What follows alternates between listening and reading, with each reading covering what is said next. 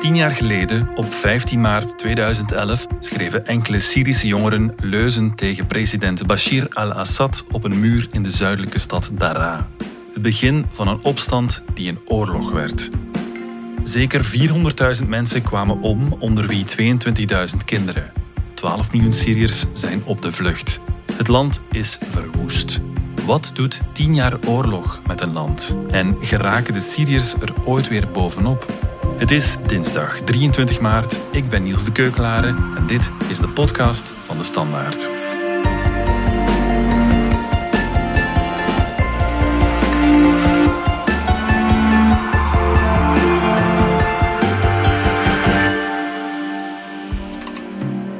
Jorne Kok, Midden-Oosten-correspondent. Neem ons even mee naar tien jaar geleden, naar hoe het begon. Wat wou de oppositie in Syrië? Wel, als, als ik je meeneem naar tien jaar geleden en daar een paar weken nog aan toevoeg, tien jaar en een paar weken tevoren, dan woonde ik zelf nog in Damascus. En uh, het was natuurlijk een woelige periode, want we hadden net uh, Tunesië gehad in januari.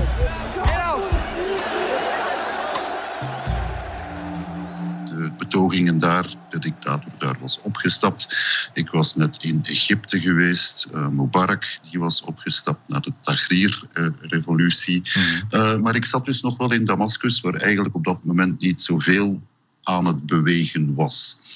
Damascus is een heel fijne stad, zeer oud, oude straatjes in de omwalde uh, oude stad van Damascus mm -hmm. met Arabische huizen, de geur van jasmijn. Uh, en een, ja, je zit in een politiestaat natuurlijk, dus het is tegelijkertijd charmant. Maar mensen zijn altijd op hun hoede, want mm -hmm. ze mhm. kunnen altijd iets verkeerd doen. Nu, de hele atmosfeer was natuurlijk een beetje omgeslagen met Tunesië en Egypte en dan Libië, ook in februari, tien jaar geleden. En dus begon er zo wat te broeien. Dat begon dan met uh, de befaamde 15 jongetjes in het zuidelijke Terra, die ook wat graffiti op de muren hadden uh, geschreven. Genre, het volk wil het regime weg. En uh, dokter, nu is het uw beurt. Dokter verwijst naar Assad, naar de president, die een oftalmoloog is, een oogarts. لا يوجد حل سياسي مع من يحمل السلاح ويقتل. ولكن نحن نرغب بالحل السياسي. En die jongetjes die werden op zijn Syrisch meteen opgepakt. Die werden gefolterd. De families probeerden die vrij te krijgen. Dat, dat werkte dan niet goed. En uiteindelijk werd ze vrijgelaten zonder vingernagels en dat soort van dingen. Uh, dus de mensen in Dera gingen op straat. In Damascus was er wat beweging. En dus zo is het begonnen. Hè.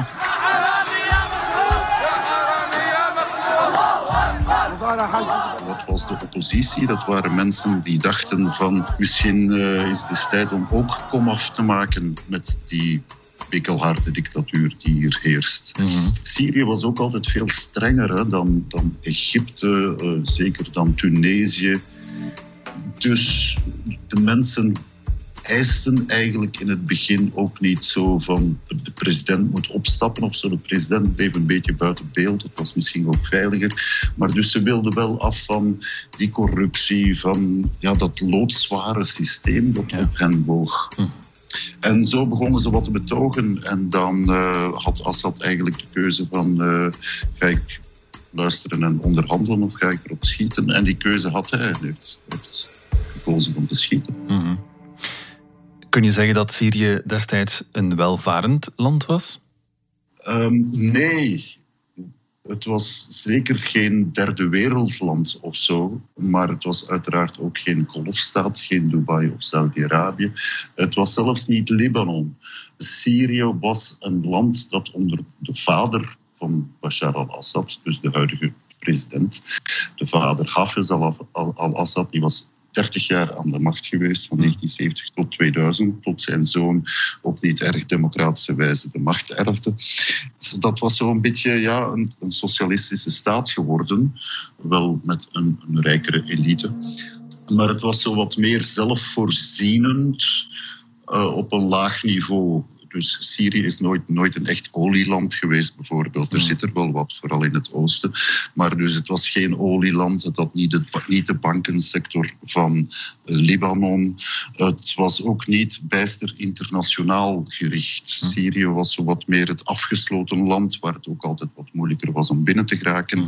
En, en ze dopten hun eigen boontjes wel. En het gevolg was zo van ja, een economie van wel wat fabrieken en van die toestanden dan, dan landbouw, maar voor de rest heel veel kleine winkeltjes. Een land van kleine winkeltjes. Nu, we zijn tien jaar later. Syrië had misschien niet veel, maar ja, nu is er bijna niks meer.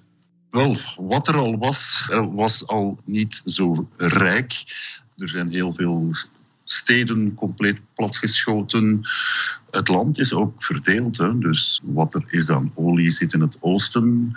Ja, dat is in handen van de Koerden met de Amerikaanse steun. Want die hebben de islamitische staat uit dat oosten verjaagd. Dus dat is niet in handen van het regime. De Russen en de Iraniërs die het regime hebben geholpen om die oorlog te winnen, wat relatief is, die zijn ook met hun deel van de kroonjuwelen gaan lopen in ruil voor bewezen diensten. Vergeet ook niet dat een niet onaanzienlijk deel van de grote talenten in de bevolking, die gingen mee betogen of die stonden aan de kant van de oppositie. Die zijn, het zij gedood, het zij moeten vertrekken. Uh, Assad had altijd in die tien jaar als een van zijn favoriete doelwitten om, om terreur te zaaien onder de bevolking was om de ziekenhuizen te bombarderen. Dus een heleboel dokters en verplegers zijn vertrokken, die zitten in het buitenland. Dus je zit met een bevolking waarvan er 6 miljoen verdwenen zijn naar het buitenland, 6 miljoen in eigen land zijn moeten verhuizen, dus ja, gevlucht zijn.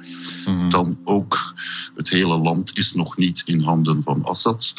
Het is een dysfunctionele samenleving, compleet, tegen de achtergronden van puinhoop. Hoe is het zo uit de hand kunnen lopen?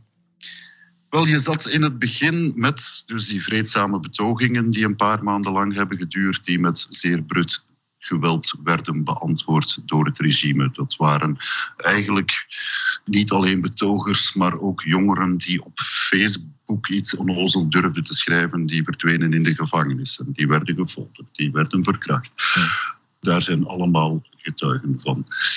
En wat je dan krijgt is eigenlijk een deel van het leger van stadsbewoners in de provincie die dan geleidelijk aan beginnen terug te schieten. En dan zit je dus met legereenheden die de kant van de oppositie kiezen. Dat is dan wat, wat dan geworden is het Vrije Syrische leger, het uh, Free Syrian Army, FSA. Er wordt dan gevochten tussen oppositie en regime. Het regime krijgt dat niet geheel onder controle, vraagt steun van Iran. Iran komt erbij. Dat Vrije Syrische leger krijgt intussen, vraagt en krijgt intussen ook steun van andere landen, van Turkije, van Qatar.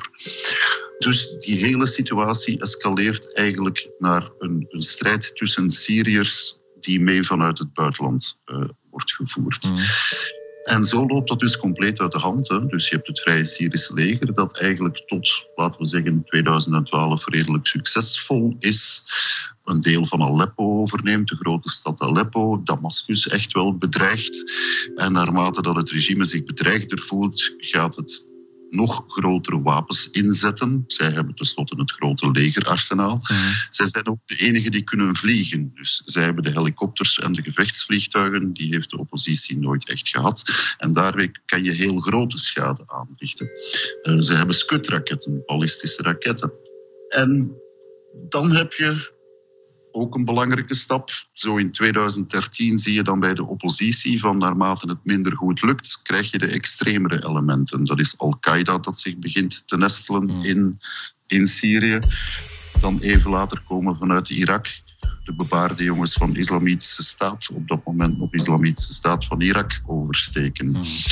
Die vechten tegen de rebellen in de eerste plaats, niet tegen het regime. Dus je krijgt een hele serie van oorlogen eigenlijk. En iedereen gaat voor ja, zoveel mogelijk macht, zoveel mogelijk grondgebied. Het regime gooit dan in de zomer van 2013 chemische wapens op de buitenwijken van Damascus. Dan voelen de, Amerikanen zich even geroepen om in te grijpen, bedreigen, uh, dreigen met bombardementen. Dat gebeurt dan niet, want er is een afspraak via Rusland dat als het regime zijn chemische wapens afgeeft, dat alles weer koek en ei is. Rusland komt erbij in 2015, denkt van ja, de Amerikanen zijn niet bijster geïnteresseerd, we kunnen daar een grote slag slaan eigenlijk. Mhm. Dus Rusland gaat zich massaal inschakelen aan de kant van het regime. En eigenlijk vooral door die steun van Iran, dat allerlei Shiïtse milities gaat ronselen, van in Afghanistan tot in Irak, om voor dat regime te vechten. En dan vooral ook de Russische luchtmacht erbij, slaagt dat regime dus om steeds meer van die rebellie klein te krijgen. Intussen zit je met een nevenoorlog in het oosten, want daar zit je met de Islamitische Staat, de Amerikanen en de Koerden, die wij waren vooral geïnteresseerd in de Islamitische Staat op dat moment. Syrië was, was ons allemaal te complex. Ook al zat je intussen in 2015 met die enorme vluchtelingenstroom naar Europa.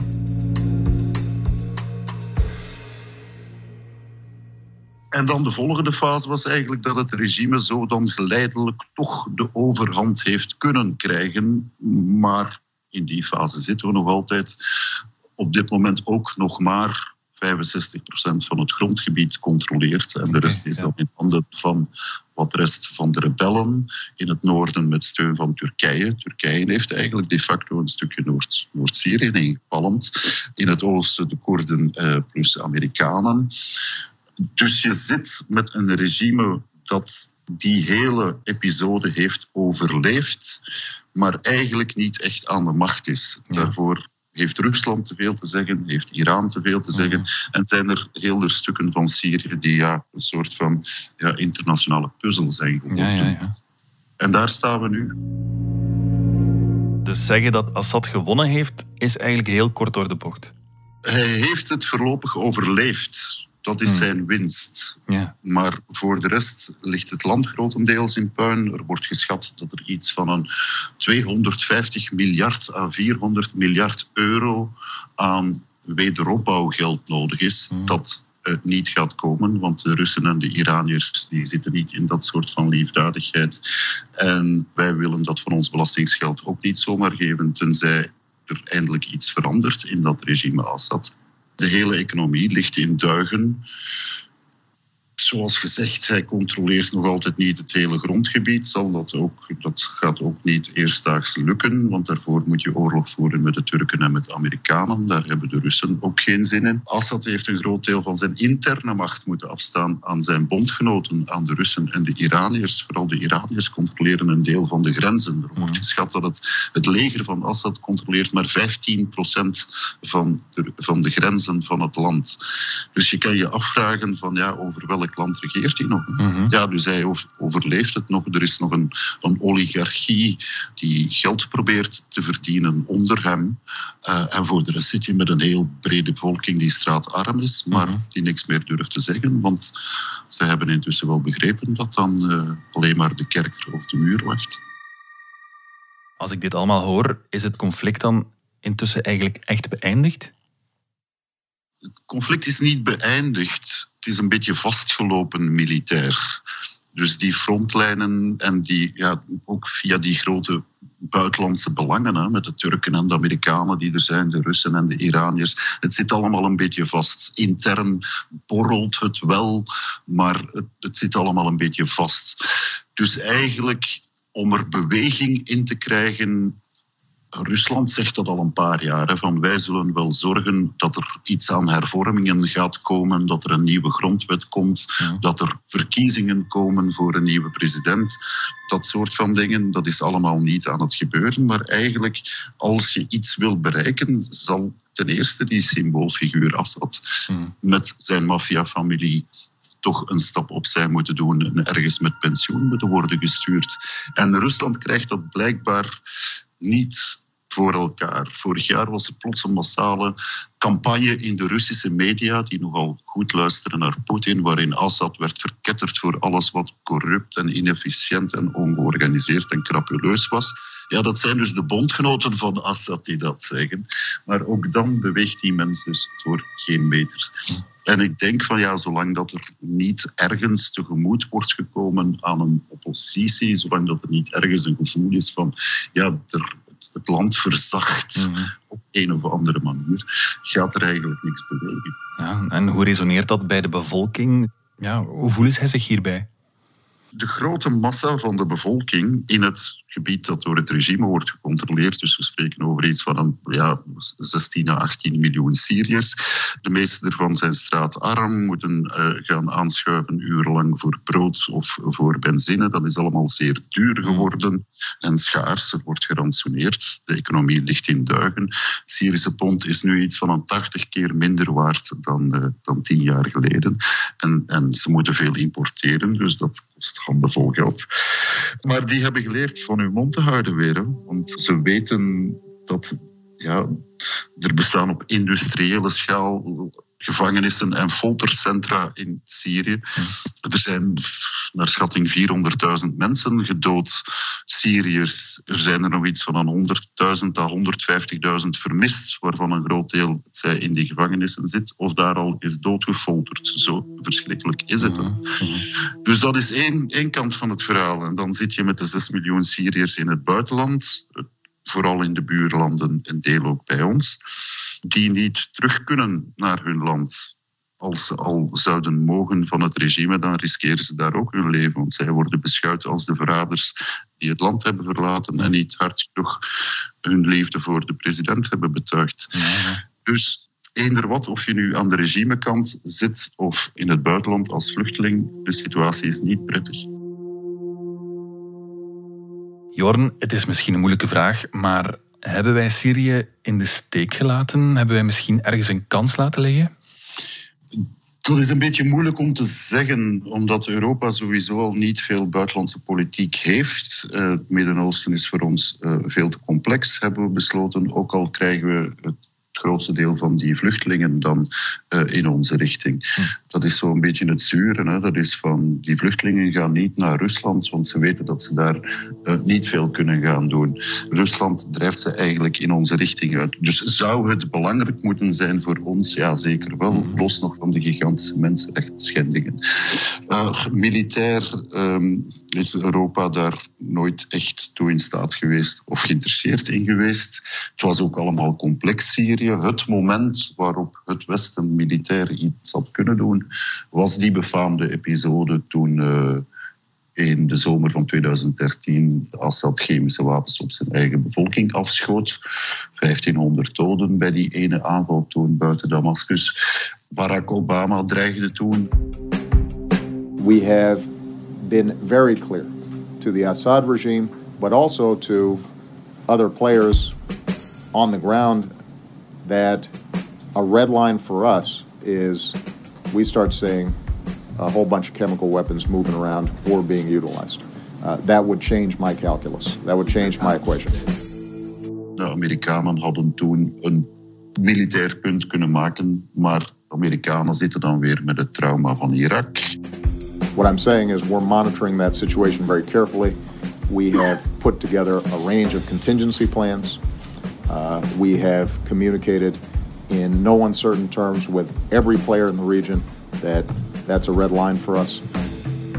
Barack Obama wou zo weinig mogelijk doen, wou eigenlijk zogezegd weg uit het Midden-Oosten. Dus dat is er niet van gekomen. Trump heeft nadien ook nog eens een paar keer zo wat bommen gegooid als Assad te ver ging. Nog eens chemische wapens gebruikte, die hij zo gezegd had afgegeven. Maar zo altijd op zeer beperkte schaal en dan wat, wat steun aan, aan de rebellengroepen hier en daar. Maar er is eigenlijk nooit een beslissend signaal gekomen vanuit Europa of vanuit de Verenigde Staten, want het is genoeg geweest. Tegenover de Islamitische Staat wel, dat beschouwen we wel als onze core business. Ja, ja. Maar de rest van Syrië was ons te moeilijk. Mm Jorn, je hebt het conflict gevolgd. Hoe deed je dat? Hoe kon je op de hoogte zijn van, van wat er allemaal speelde? Ook dat is eigenlijk in heel verschillende fases gelopen. Uh, zoals gezegd, vlak voor de betogingen begonnen woonde ik nog in Damascus, dus ik kende ook veel mensen in, in, in Syrië. Dus in het begin kon ik nog contact houden met mensen die daar waren, die ik persoonlijk kende van hmm. voordien. Wat dan ja, meer een vertrouwensband schept.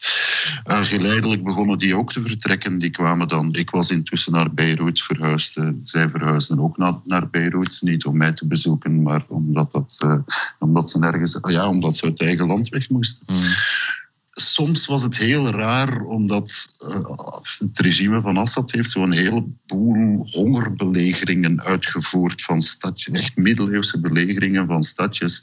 Uh, dan bleven de telefoonlijnen nog werken, dus je kon bellen uh, met mensen die dat daar honger aan het lijden waren. Ik herinner mij dat ik belde met een vrouw in het uh, dorpje Madaya, die gewoon beschreef van ja, hoe, hoe, de mensen omver aan het vallen waren van de honger. Daar kon je dan nog wel mee bellen. En voor de rest dan zo van ja, via Skype, de burgeractivisten die toch overal actief bleven, die kon je dan, die kon je dan bellen.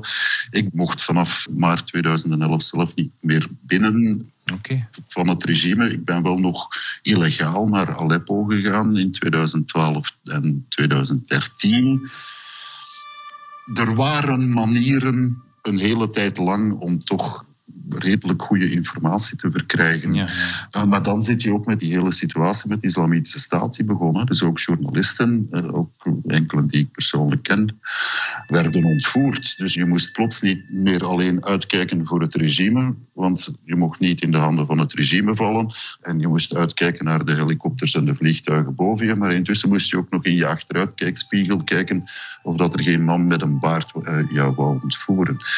Dus voor journalisten werd het ook steeds moeilijker. Mm. Er zijn ook verschillende ingebleven natuurlijk. Wat is dan de vooruitblik voor dit land, uh, Jorn? Welke toekomst gaan ze tegemoet? Ik heb die vraag naar aanleiding van de tiende verjaardag aan een paar Syrische vrienden gesteld. En die zeiden van ja, uh, op dit moment is er geen toekomst, omdat het, het regime wil geen millimeter toegeven. De Syriërs zitten vast zijn arm en zullen zich erbij moeten neerleggen dat ze een tijd lang doodarm door het leven zullen moeten gaan. Gaan er daarvan dan opnieuw naar het buitenland proberen te vluchten? Ja, ongetwijfeld.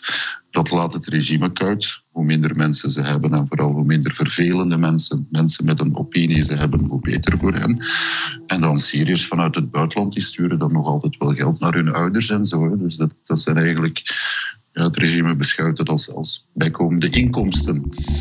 Dus tenzij er zoiets internationaal beweegt, waardoor Assad eigenlijk toch ja, een klein beetje van de trap wordt geduwd, gaat er de eerstkomende jaren eigenlijk niks veranderen. Maar er ook niks in de positieve zin van uh, er wordt heropgebouwd of er gaat ook niks positiefs veranderen. Dus uh, ja, armoede is, is de, diepe armoede en, en hou je mond, dat is de nabije toekomst van de Syriërs. En zie je ergens nog een lichtpunt voor dit land? Wel, ik denk als je ergens een, een lichtpunt kunt zien, dan is het bij een heleboel van die Syriërs, jonge Syriërs, twintigers, dertigers, die tot bij ons zijn geraakt. Hè? Die in het buitenland zijn geraakt, die vaak opnieuw zijn beginnen te studeren. Een deel ervan doet het goed. Ik denk dat er nog nooit zoveel zo hoog opgeleide Syriërs zijn geweest in de geschiedenis als vandaag. Die zijn vrij om te spreken, want uh, die zitten vaak in landen waar ze wel mogen spreken. Die houden contact met hun thuisbasis. Die zijn vaak ook uh, geregeld stevig gedeprimeerd, omdat ze hebben hun ouders al, al zo lang niet meer gezien, hebben veel vrienden verloren, die gestorven zijn in het conflict. Maar daar merk je wel een dynamiek. Dat zijn de jonge dynamische Syriërs die ja, hun kansen grijpen in het buitenland nu het kan en mag. Dus je kan maar hopen dat dat op een of andere manier, omdat ze toch ook contact blijven houden met hun thuisbasis, dat het niveau van sofisticatie dat in die jonge, jongere Syriërs zit, dat dat ergens doorcijpelt naar hun eigen land. Mhm. Oké, okay. Jorne Kok, dankjewel. Graag gedaan. Dit was de podcast van De Standaard. Bedankt voor het luisteren. Wil je reageren? Dat kan via podcast.standaard.be. Alle credits vind je op standaard.be-podcast. Morgen zijn we er opnieuw.